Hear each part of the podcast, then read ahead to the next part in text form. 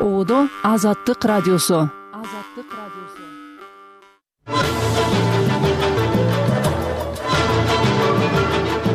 саламатсызбы угарман азаттыктын кечки радио берүүлөрүн баштайбыз. Микрофондо мен түмөнбай абдинаби уулу алдыдагы жарым саатта. Жогорку кеңеш чет элдик өкүл жөнүндө мыйзам долбоорун кайра кароо үчүн комитетке кайтарды. Демилегечилер дагы эмени коомчулукта үнүн угуп биргеликте карап чыксак жакшы болот эле мен ушундай бир сунуш киргизип атам. Израиль менен хамас радикал уюмунун ортосундагы угу атышууну токтотуу боюнча сүйлөшүүлөрдөн азырынча жыйынтык чыга элек. Белгилүү обончу аткаруучу бакыт капаров элүү беш жашында акка моюн сунду. Эже мына ырыңызды алайынбы деп ой ыр сенден айлансын ала бер ырдай бер деп койчумун анан бул бир армандуу болду да. Алдыда ушул жана башка темадагы баяндарды уга аласыз. Биздин толкунда калыңыз берүүнүн башында соңку жаңылыктарды эрнест нурматовдон уксак. Рахмат саламатсызбы. Кемпир абад иши боюнча соттук отурумда ызы чуу чыкты. Он төртүнчү февралда бишкектин биринчи май райондук сотунда кароо уланып айыпталуучулардын биринин адвокаты ооруп калып бул күнкү отурумга келбей калганы маалым болгон. Мындан сырткары кемпир абад иши боюнча жабырлануучу катары өтүп жаткандар да келген эмес. Сот ага карабай ишти кароону улантууну чечкен мындан улам айыпталуучулар бул кадамды мыйзамсыз деп атап кыйкырык сүрөөнгө алышкан натыйжада аларды кайтарып жүргөн сакчылар менен түртүшүү орун алган ызы чуудан кийин процессте тыныгуу жарыяланган. Тыныгуудан соң айыпталуучулар тергөө абагынан соттук отурумга алып келинген эмес. Прокурорлор айыптоо актысын айыпталуучулардын катышуусуз окуду. Адвокаттар муну жазык процесстик кодексинин нормаларын жана айыпталуучулардын укуктарын бузуу катары баалашууда. Кыргыз өзбек чек арасындагы кемпир суу сактагычынын жери өзбекстанга өтүп жатканына каршы пикирин билдирген жыйырма жети саясатчы активист жана укук коргоочу эки миң жыйырма экинчи жылы октябрда камалган ушул тапта кармалгандардын ичинен он бир киши тергөө абагында калды. Калгандары түрдүү жагдайда үй камагына чыккан. Кемпир абад иши эки миң жыйырма үчүнчү жылы июнь айында сотко өтүп ички иштер министрлигинин тергөө башкармалыгы ишке жашыруун грифинг койгон. Милиция аларды бийликти басып алууга аракет кылган деп айыптоодо шектүүлөр мунун баарын саясий куугунтук катары сыпаттап келет борбордук шайлоо комиссиясы он төртүнчү февралдагы жыйынында жогорку кеңештин ата журт кыргызстан фракциясынын депутаты абдывахап э, боронбаевдин мандатын тапшыруу тууралуу жазган арызын карап анын ыйгарым укуктарын токтотту. Боронбаев эмне себептен депутаттыктан кетип жатканы белгисиз. Ал мандатты эки миң жыйырма экинчи жылы алган. Бош айкомдун жыйынында боронбаевдин соттуулугу жок экени айтылган болчу. Абдывахап боронбаев кезинде түштүк бажысын жетектеген. Бир нече жыл мурун азаттык радиосу жана бир нече эл аралык медианын журналисттери кыргыз бажысындагы миллиондогон каражатты кымырган схемаларды аныктап чыгышкан. Иликтөөлөрдү атата алган мамлекеттик бажы кызматынын башчысынын мурунку орун басары райымбек матраимов камалып мамлекетке эки миллиард сом төгүп кайра бошотулган. Атайын кызмат матраимов менен иштеген отуз сегиз бажычыга да иш козгогон анын бири абдывахап боронбаев болчу. Ал мамлекетке сегиз миллион сом төлөп берип кийин парламентке кайтып келген быйыл январь айында улуттук коопсуздук боюнча мамлекеттик комитет райымбек матраимовго издөө жарыяланган. Экспозитчи райымбек матраимов жана анын жакындары акыркы окуялар тууралуу комментарий бере элек ал өзү каякта экени белгисиз. Борбордук шайлоо комиссиясы жогорку кеңештин ата журт кыргызстан фракциясындагы бошогон депутаттык орун үчүн мандатты тизмеде кезекте турган саитбек сулпуевке берди акш президенти джо байден конгресстин өкүлдөр палатасын украинага каржылык жардам камтылган мыйзам долбоорун тезирээк кабыл алууга чакырды. Чукул кайрылуусунда байден өкүлдөр палатасынын спикери майк джонсонду аталган мыйзам долбоорун тез арада добушка коюуга үндөдү кошмо штаттар украинага колдоо көрсөтүү үчүн дээрлик элүү өлкөдөн турган коалиция түздү. Биз натону бириктирдик аны кеңейттик. Биз азыр баарын таштап басып кете албайбыз. Путин ошондой болушун каалап жатат деди акш президенти. Республикачы джонсон экинчи күнү сенат кабыл алган долбоордун келечегинен күмөн санап анда акшнын чек ара коопсуздугу боюнча жоболор камтылбаганын сындаган. Акш конгрессинин демократтар үстөмдүк кылган жогорку палатасы сенат он үчүнчү февралда украинага израилге жана тайванга жалпысынан токсон беш миллиард долларлык каржылык жардам камтылган мыйзам долбоорун кабыл алган. Эми документ конгресстин республикачылар көпчүлүктү түзгөн өкүлдөр палатасынын кароосуна жөнөтүлөт орусиянын самара облусундагы тажик диаспорасынын жетекчиси мекендештерин аскердик комиссариатка барып украинадагы согушка катышуу тууралуу келишимге кол коюуга чакырды. Бул аймактагы тажикстандык мигранттардын арасында талкуу жана кооптонуу жаратты.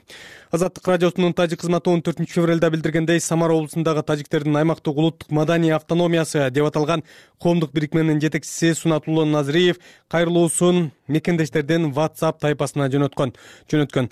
Ал анда ал орус жарандыгы бар. Тажикстандыктарга кайрылып жыйырма бешинчи февралга чейин жашаган жериндеги аскер комиссариатына баруу керектигин айткан ал эми паспорт ала электерге жана алардын үй бүлө мүчөлөрүнө орус бийлиги жарандыкты жеңилдетилген шартта берерин эгер келишимге кол койбосо өзүлөрү да жакындары да орусиядан депортация кылынарын рейдтер күчөй турганын белгилеген. Чоң рахмат. Соңку жаңылыктарды эрнест нурматов айтып берди. Азаттыктын сайтында социалдык тармактардагы баракчаларында башка жаңылыктар дагы бар. Ал жактан дагы соңку окуялар тууралуу кабардар болуп турсаңыз болот биз эми уктуруубузду кабарчыларыбыздын баяндары менен уланталы. Жогорку кеңеш коммерциялык эмес уюмдар жана кылмыш жаза кодексине өзгөртүүлөрдү киргизүү жөнүндө мыйзам долбоорун парламенттин конституциялык мыйзамдар мамлекеттик түзүлүш сот укук маселелери боюнча комитетине кайра артка кайтарды. Айрым депутаттар коомчулуктун үнүн угуп документтин айрым беренелерин өзгөртүү зарыл экенин айтышты. Юристтер бул мыйзам баш мыйзамга каршы келерин билдирип жатышат. Сөз кабарчыбыз кундуз кызылжаровада парламенттин он төртүнчү февралдагы жыйынында коомчулукта чет элдик өкүл деген ат менен таанылган мыйзам долбоору төртүнчү маселе катары каралаары көрсөтүлгөн. Бирок депутат чыңгыз ажыбаев аны кайра комитетке кайтаруу керектигин сунуштап аны жетимиш эки депутат колдоду. Жогорку кеңештин төрагасынын орун басары депутат нурланбек азыгалиев чет элдик өкүл тууралуу мыйзам долбоорундагы айрым беренелерди өзгөртүү керектигин айтты. Демилегечилер дагы э, эмени коомчулукта үнүн угуп биргеликте карап чыксак жакшы болот эле. Мен ушундай бир сунуш киргизип атам. Экинчи мыйзам долбоорунун экинчи беренесинде жарандардын инсандыгына жана укуктарына шек келтирген коммерциялык эмес уюмдарды түзүү үчүн жоопкерчиликти кароо сунушталган. Ушул аталган беренеде кылмыш жаза жоопкерчилигин алып салуу менен бирге коммерциялык эмес уюм тарабынан ушул мыйзам долбоорлорун бузушу кыргыз республикасынын мыйзамдарына ылайык жоопкерчиликке алып келе турган редакцияда баяндоо сунушталып атам. Кылмыш жаза кодексине сунушталган өзгөртүү боюнча коммерциялык эмес уюм мыйзамсыз иш аракет жүргүзгөн деп табылып шектүүнүн күнөөсү далилденсе үч жылдан беш жылга чейин эркиндигинен ажыратуу каралган. Мыйзам долбоордун демилгечилери башта жазаны беш жылдан он жылга чейин деп сунуштаган эле. Депутаттардын бири гуля кожокулова какая либо организация юридическое лицо юридикалык жак кандайдыр бир кылмыш жасаса мисалы бийликти алмаштырууга чакырык жасаса алар үчүн өзүнчө беренелер бар. Тагыраагы баардык кылмыштар үчүн кылмыш жаза кодексинде жазылган жазасы каралган беренелер бар. Бейөкмөт уюмдар үчүн өзүнчө жаңысын ойлоп чыгаруу туура эмес. Өлкө гумандуулук жолуна ыктап криминалга каршы болуп жаткан кезде жаңы жазаны ойлоо биздин ушул багытка туура келбей калат. Бул мыйзам долбоорун ушул бойдон кабыл алуу болбойт. Мыйзам кандай колдонулуп кандай ишке ашаарын караш керек. Азыр иштеп аткан мыйзам боюнча баардык укук коргоочу көзөмөлдөөчү мамлекеттик органдардын тиешелүү ыйгарым укуктары жакшы каралган. Алар бейөкмөт уюмдардын ачыктуулугун юстиция министрлиги каттоосун каржылык операцияларын улуттук банк прокуратура мыйзамдын аткарылышын карай алат. Башкача айтканда ыйгарым укуктары жетиштүү эле. Вот. То есть полномочий достаточно жыйырма үчүнчү январда конституциялык мыйзамдар мамлекеттик түзүлүш сот укук маселелери боюнча комитети коммерциялык эмес уюмдар жөнүндө мыйзамга өзгөртүү киргизүү боюнча документти экинчи окууда колдоп парламенттин жалпы жыйынына жөнөткөн. Мыйзам долбоору эки миң жыйырма үчүнчү жылы жыйырма бешинчи октябрда жогорку кеңеште биринчи окууда кабыл алынган. Адилет укуктук клиникасы надира нарматова негизги автор болгон документтин биринчи вариантын иликтеп чыгып ал орусиянын чет элдик агенттер жөнүндөгү мыйзамына токсон сегиз пайыз окшош экенин аныктаган. Андан кийин толук документ орусиянын мыйзамынан да катуураак чараларды көрүүгө багытталганын аталган клиника аныктап чыккан. Ошондуктан адилет укуктук клиникасынын жетекчиси чолпон жакупова мыйзам долбоорун кабыл алууда негиз жок деп эсептейт значит администрация президента сама нас пригласила. Президенттин администрациясы чакырып коррупцияга каршы саясатты жүргүзүүдө биз катышуудабыз. Андан сырткары тиги же бул укуктук нормативдик актыларга өзгөртүү киргизүү боюнча иштешип атабыз. Бирок сунушталып аткан бул мыйзамга ылайык мен сырттан каржы алып аткан уюмдун өкүлү катары мындай багытта иштей албайм. Себеби мен сунуш берсем демек мен чечим кабыл алуу процессине кийлигишип мамлекеттик саясатка тоскоол болуп аткан болуп калам. Кандайдыр бир логика болуш керек да. Маселен бир колуңду көтөрүп бизге жардам бер жумушчу топко кошул деп атасың. Бирок экинчи колуңду көтөрүп сенин бул ишмердүүлүгүң туура эмес деп атасың. Сырттан каржылангандардын баары башка мамлекеттердин кызыкчылыгын коргоого багытталган дей турган болсок анда ошол эле мамлекеттик органдар да грант албашы керек. Эч ким албасын анда себеби тең укуктуулук болушу зарыл. Азыр бизди дүйнө шылдыңдап атат. Сотко эксперт катары жыйынтыгын бергендер мыйзам чыгаргандарды карап алышып өлкөдө конституциялык сот бар конституциялык укук боюнча адистер бар. Алар кеңешин берсин мүчүлүштүктөрдү алып салсын. Ошондо мыйзамдан эч нерсе калбайт. Себеби ал баардык нормаларга каршы келет. Он останется пустым потому что он весь вот такой он весь противоречивый мыйзамдын автору надира нарматова бул документ мамлекеттин коопсуздугуна кам көрүү багытында иштелип чыкканын айтып ал өкмөттүк эмес уюмдардын ишине тоскоол болбойт деп кайталап келет. Эл аралык укук коргоочу уюмдар парламентте бейөкмөт уюмдардын ишмердигине олуттуу коркунуч келтирүүчү бул мыйзам долбоорун четке кагууга чакырып келишет. Кундуз кызылжарова нурлан бейшебаев азаттык бишкек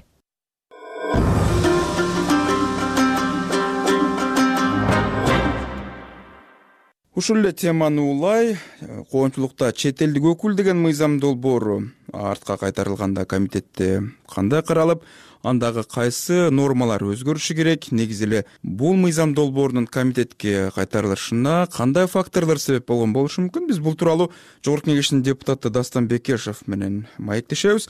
Дастан мырза бул мыйзам долбоору коомчулукта кызуу талкууланып бул боюнча президент жапаров дагы бир нече ирет үн катып мындай мыйзамга муктаждык бар экенин белгилеп келген. Мунун алдында эле ал акшнын мамлекеттик катчысы энтони блинкендин бул мыйзам боюнча тынчсыздануусуна жооп берген болчу. Бул документтин тегерегиндеги талкуу дипломатиялык эл аралык уюмдардын деңгээлине чейин көтөрүлгөн маселе болду.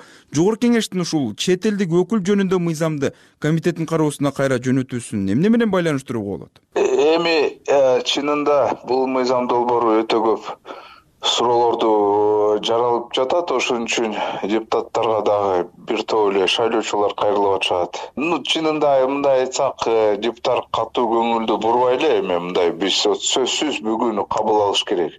Бул жерде албетте геосаясат дагы бар э, бирок бул мыйзам долбоордо бир топ эле каталар бар да ошон үчүн бүгүн депутаттар ушул маселени көтөрүп кайрадан комитетке кайтарышты ошол эле учурда эми ачык эле айтыш керек албетте биздин кабинет министр э, азыр анализ кылып атат бул кандай таасирин берет. Өтө эле терс таасирин берсе мүмкүн токтотот.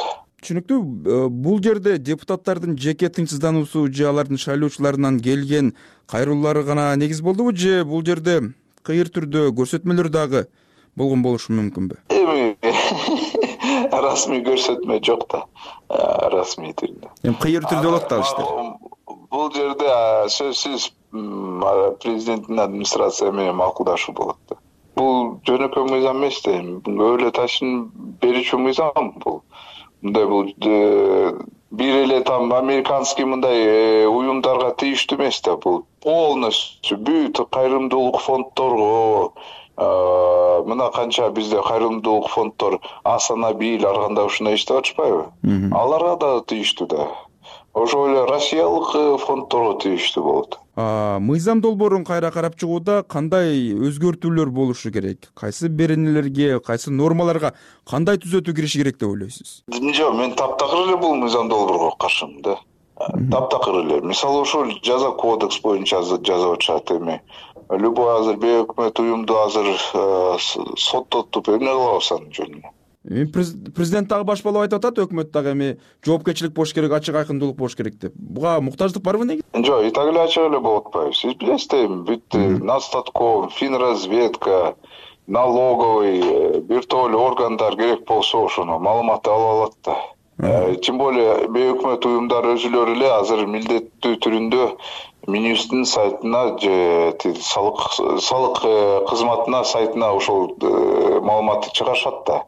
Канча каерден алышты каяка коротушту ошол каражатты. Отчет бар бүт баары эле бар да. Көрсө болот эми бул процесс башталып калды да. Анан кандай бүтүш керек деп ойлойсуз эми? Сиздин оюңузда эми мыйзам керек эмес деп атасыз такыр эле. Бирок э, баардык эле кесиптештериңиз сиздей пикирде эмес. Тагдыры кандай болуш керек? Тагдыры эми бизде президенттин өлкө болгондон кийин аны президент өзү чечет да.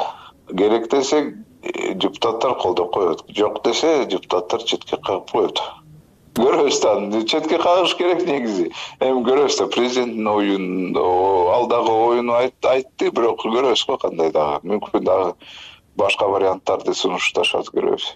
Мен мындай сунушту бергем да бул мыйзам долбоорго. Да давайте мындай раз ушунча биз мындай булар переворот бирдеме ушундай жаман мамлекетке терс зыянды э, келтирсе ошентак жазайлы эмне кылбаш керек? И мен айттым да мисалы мейли митингге элди үгүт кылбасын чыкканга.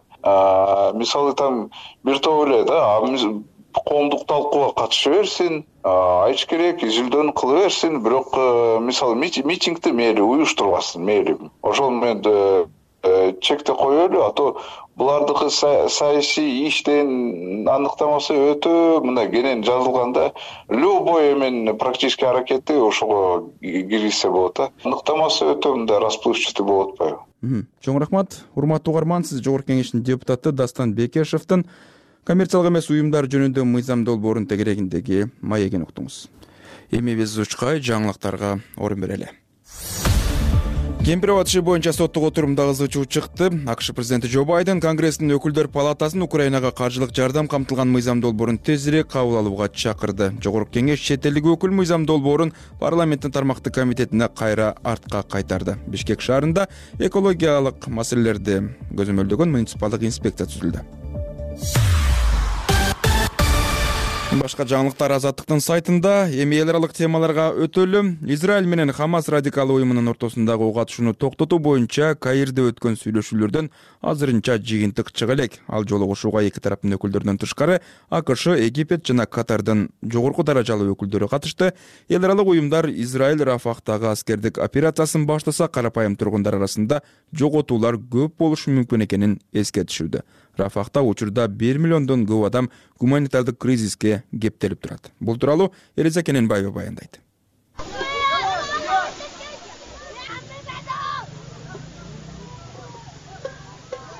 рафахта баш калкалап жаткан бул балдар жана аялдар кайрымдуулук уюмдар тараткан тамакка кезекте турушат.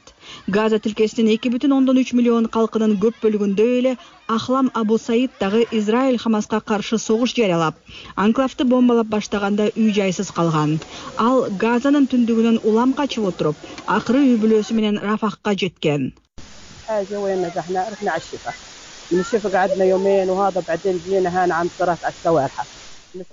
биз жарым айдан бери рафахтабыз абдан эле кыйын. Суу тамак аш жетишпейт. Эч нерсе жок. Эт жумуртка дегенди уnuттук. Балдардын кие турган кийими жал аягы жок. Эптеп ар жерден ар нерсе таап бир нерсе кылып атабыз. Аль тиккей уюму тамак аш бурчак күрүч жана башка азыктарды таратып жатат рафах газанын түштүгүндө египет менен чек арага жакын жайгашкан чакан шаар согушка чейин бул жакта эки жүз элүү миңдей киши жашачу израиль хамаска каршы аскердик операциясын баштап газалыктарды түштүккө чыгып кетүүнү сунуштаганда рафахтагы калктын саны бир жарым миллионго чейин көбөйгөн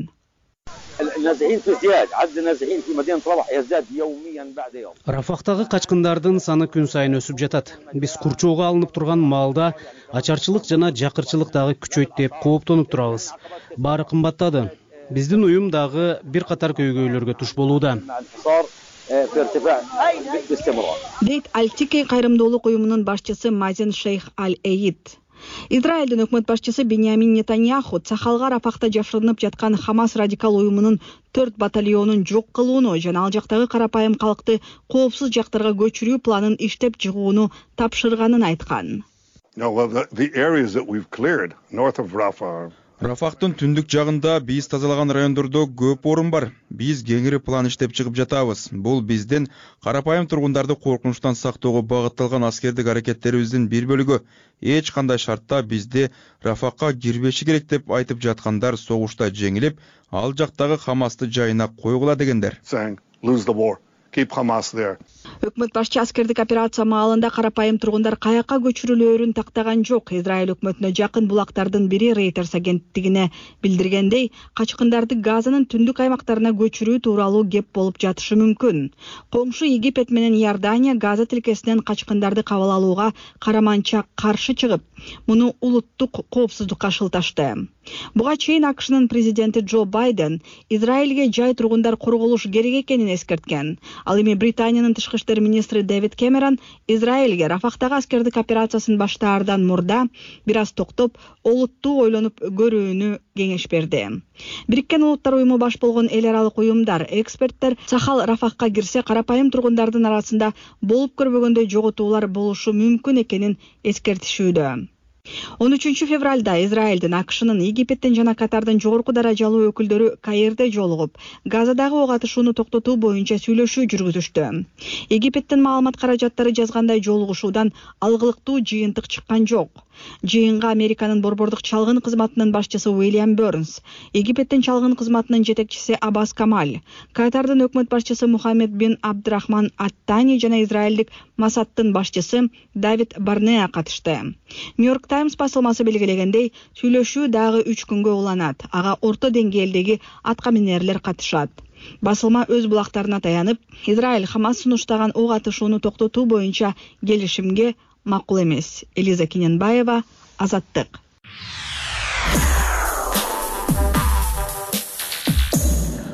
азаттыктын берүүлөрүн угуп жатасыз белгилүү оончу. Аткаруучу бакыт капаров элүү беш жашында акка моюн сунду. Буга чейин ал инсульт алып клиникалык тез жардам ооруканасына түшкөнү маалым болгон.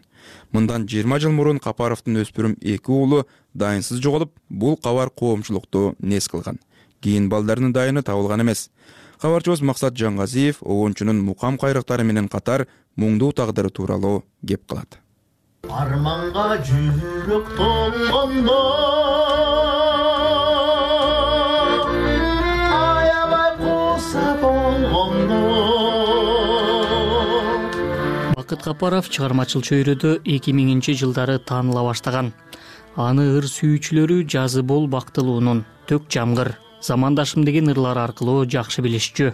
Бирок эки миң төртүнчү жылы бакыт капаровдун сегиз жаштагы иманбек алты жаштагы исманбек деген эки уулу чак түштө ойноп жаткан жеринен жоголуп дайыны табылбай калган окуя бүт өлкөнү селт эттирген ошол кезде жергиликтүү маалымат каражаттарында мотурайган эки баланын сүрөттөрү тынбай жарыяланып айласы кеткен ата энеси орусиялык мени күт көрсөтүүсүнө чейин барышкан. Дал ушул эки уулдун күйүтүн тарткан армандуу тагдыр ээси обончу бакыт капаров инсульт алгандан кийин өзүнө келбей акка моюн сунуп отурат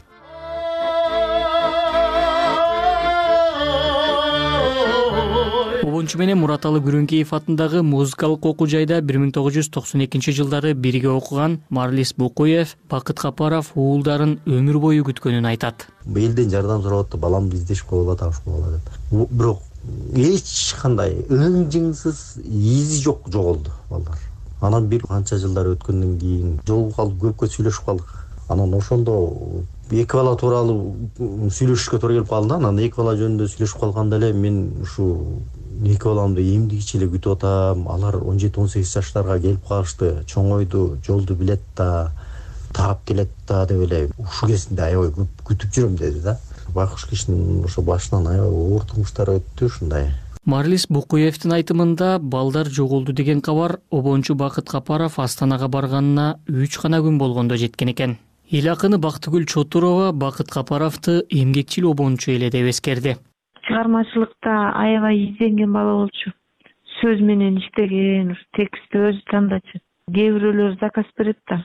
Бакыт заказ бербей эле ошол менин китептериме карап эже мына ырыңызды алайынбы деп ой ыр сенден айлансын ала бер ырдай бер деп койчумун. Анан бул бир армандуу болду да эми мына чыгармачылыгы гүлдөп иштей турган учурунда жигитчиликтин бир доорону жүрүп турган учурда кетип калган арман болду да балдары кичинекей азыр мына үй бүлөсүнө көңүл айтам айнан айымдар кел достор чогулалы көл болуп толкугалы көңүлдүн бөксө жерин ыр менен толтуралы бакыт капаров бишкектеги бала бакчалардын биринде жана мектепте музыкадан сабак берчү акын гүлсина мыйзамбекова обончу анын кызына да музыка дүйнөсүнө багыт көрсөтүп алгачкы устаты болгонун айтып отурду. Балдарга музыка ойноп берип аларды ырдатып атканда ар бир балага башкача көңүл буруп алардын кылык жоруктарына алардын кыймылдарына э, эзилип баягы бир аталык мээримин төгүп жөн гана ага эмес ата катары ошолорду баягы чоң бир жүрөгүнө батырып турчу да. Жүз жылдар кайгыруусу бакыт капаров бир миң тогуз жүз алтымыш сегизинчи жылы ош облусунун ноокат районундагы кеңеш айылында төрөлгөн. бир миң тогуз жүз токсон төртүнчү жылы мураталы күрөңкеев атындагы музыкалык окуу жайынын вокал бөлүмүн аяктаган. Обончу жубайыма төк жамгыр тоң мекеним баш болгон элүүдөн ашык чыгарма жараткан. Анын артында жубайы эки уулу жана бир кызы калды. Максатжан газиев азаттык бишкек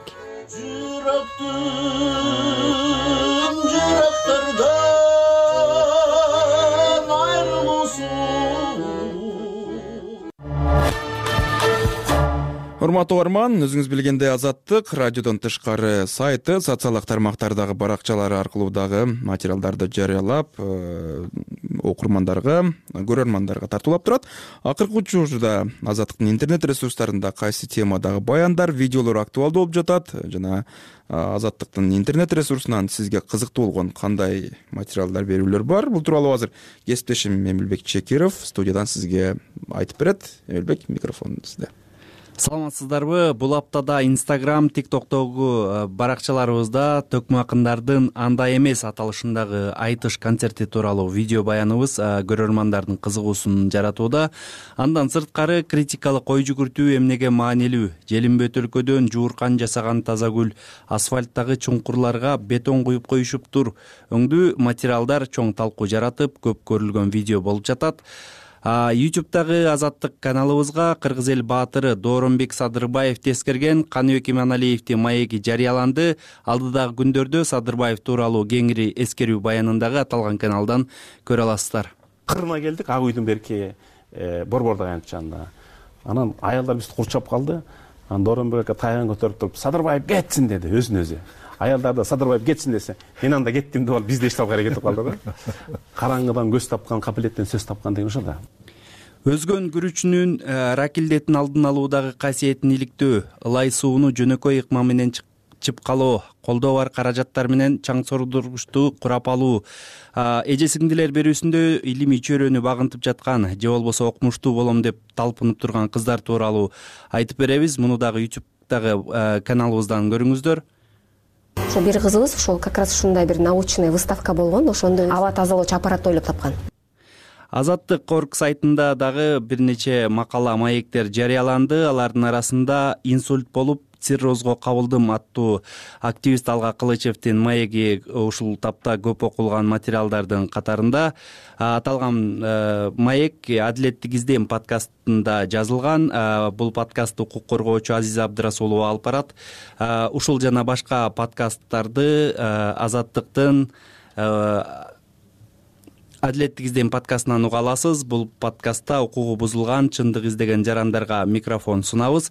Подкастты толугу менен apple подкаст spotify google подкаст платформаларынан уга аласыздар. Чоң рахмат урматтуу угарман. Сиз э, азаттыктын интернет платформаларындагы э, акыркы учурда жарыяланган материалдар жана окурмандардын көрөрмандардын кызыгуусун жараткан берүүлөр тууралуу э, кесиптешим эмилбек чекировдун баянын уктуңуз бизди ушул радиобузду дагы азаттыктын фейсбук баракчасынан жана youtube каналынан түз эфирде угууга мүмкүн экенин дагы айтып өтөлү. Азаттык социалдык түйүндөрдө фейсбукта кыргыз азаттык үналгысы threads жана инстаграмда азаттык чекит kg тик токто азаттык чекит орг. Телеграмда жана твиттерде азаттык радиосу. Ал эми орусча баракчаларды азаттык медиа деп издеңиз. Дүйнөдөгү жана кыргызстандагы окуяларга биз менен бирге назар салыңыз. Жаңылыктар макалалар талдоолор видео жана сүрөт баяндар сиздин алаканда угуп жатканыңыз азаттыктын кечки радио берүүлөрү. Азаттыктын мындан тышкары сиз күн сайын видео жаңылыктарын дагы он тогуз нөл нөлдө youtube каналынан жана facebook баракчасынан түз эфирде көрүүгө чакырабыз. Ал жактан кесиптештерим күндүн маанилүү болгон дүйнөлүк жана кыргызстандагы темаларды сизге бейтарап түрдө айтып берип турушат. Азаттыктын кечки берүүлөрүн мен түмөнбай абдинаби уулу алып барып жатам. Жаңылыктарды эрнис нурматов ал эми эфирдик пультту максат акматжан уулу башкарып жатат. Жарым сааттык бөлүк ушуну менен аягына чыкты. Бизден алыстабай туруңуз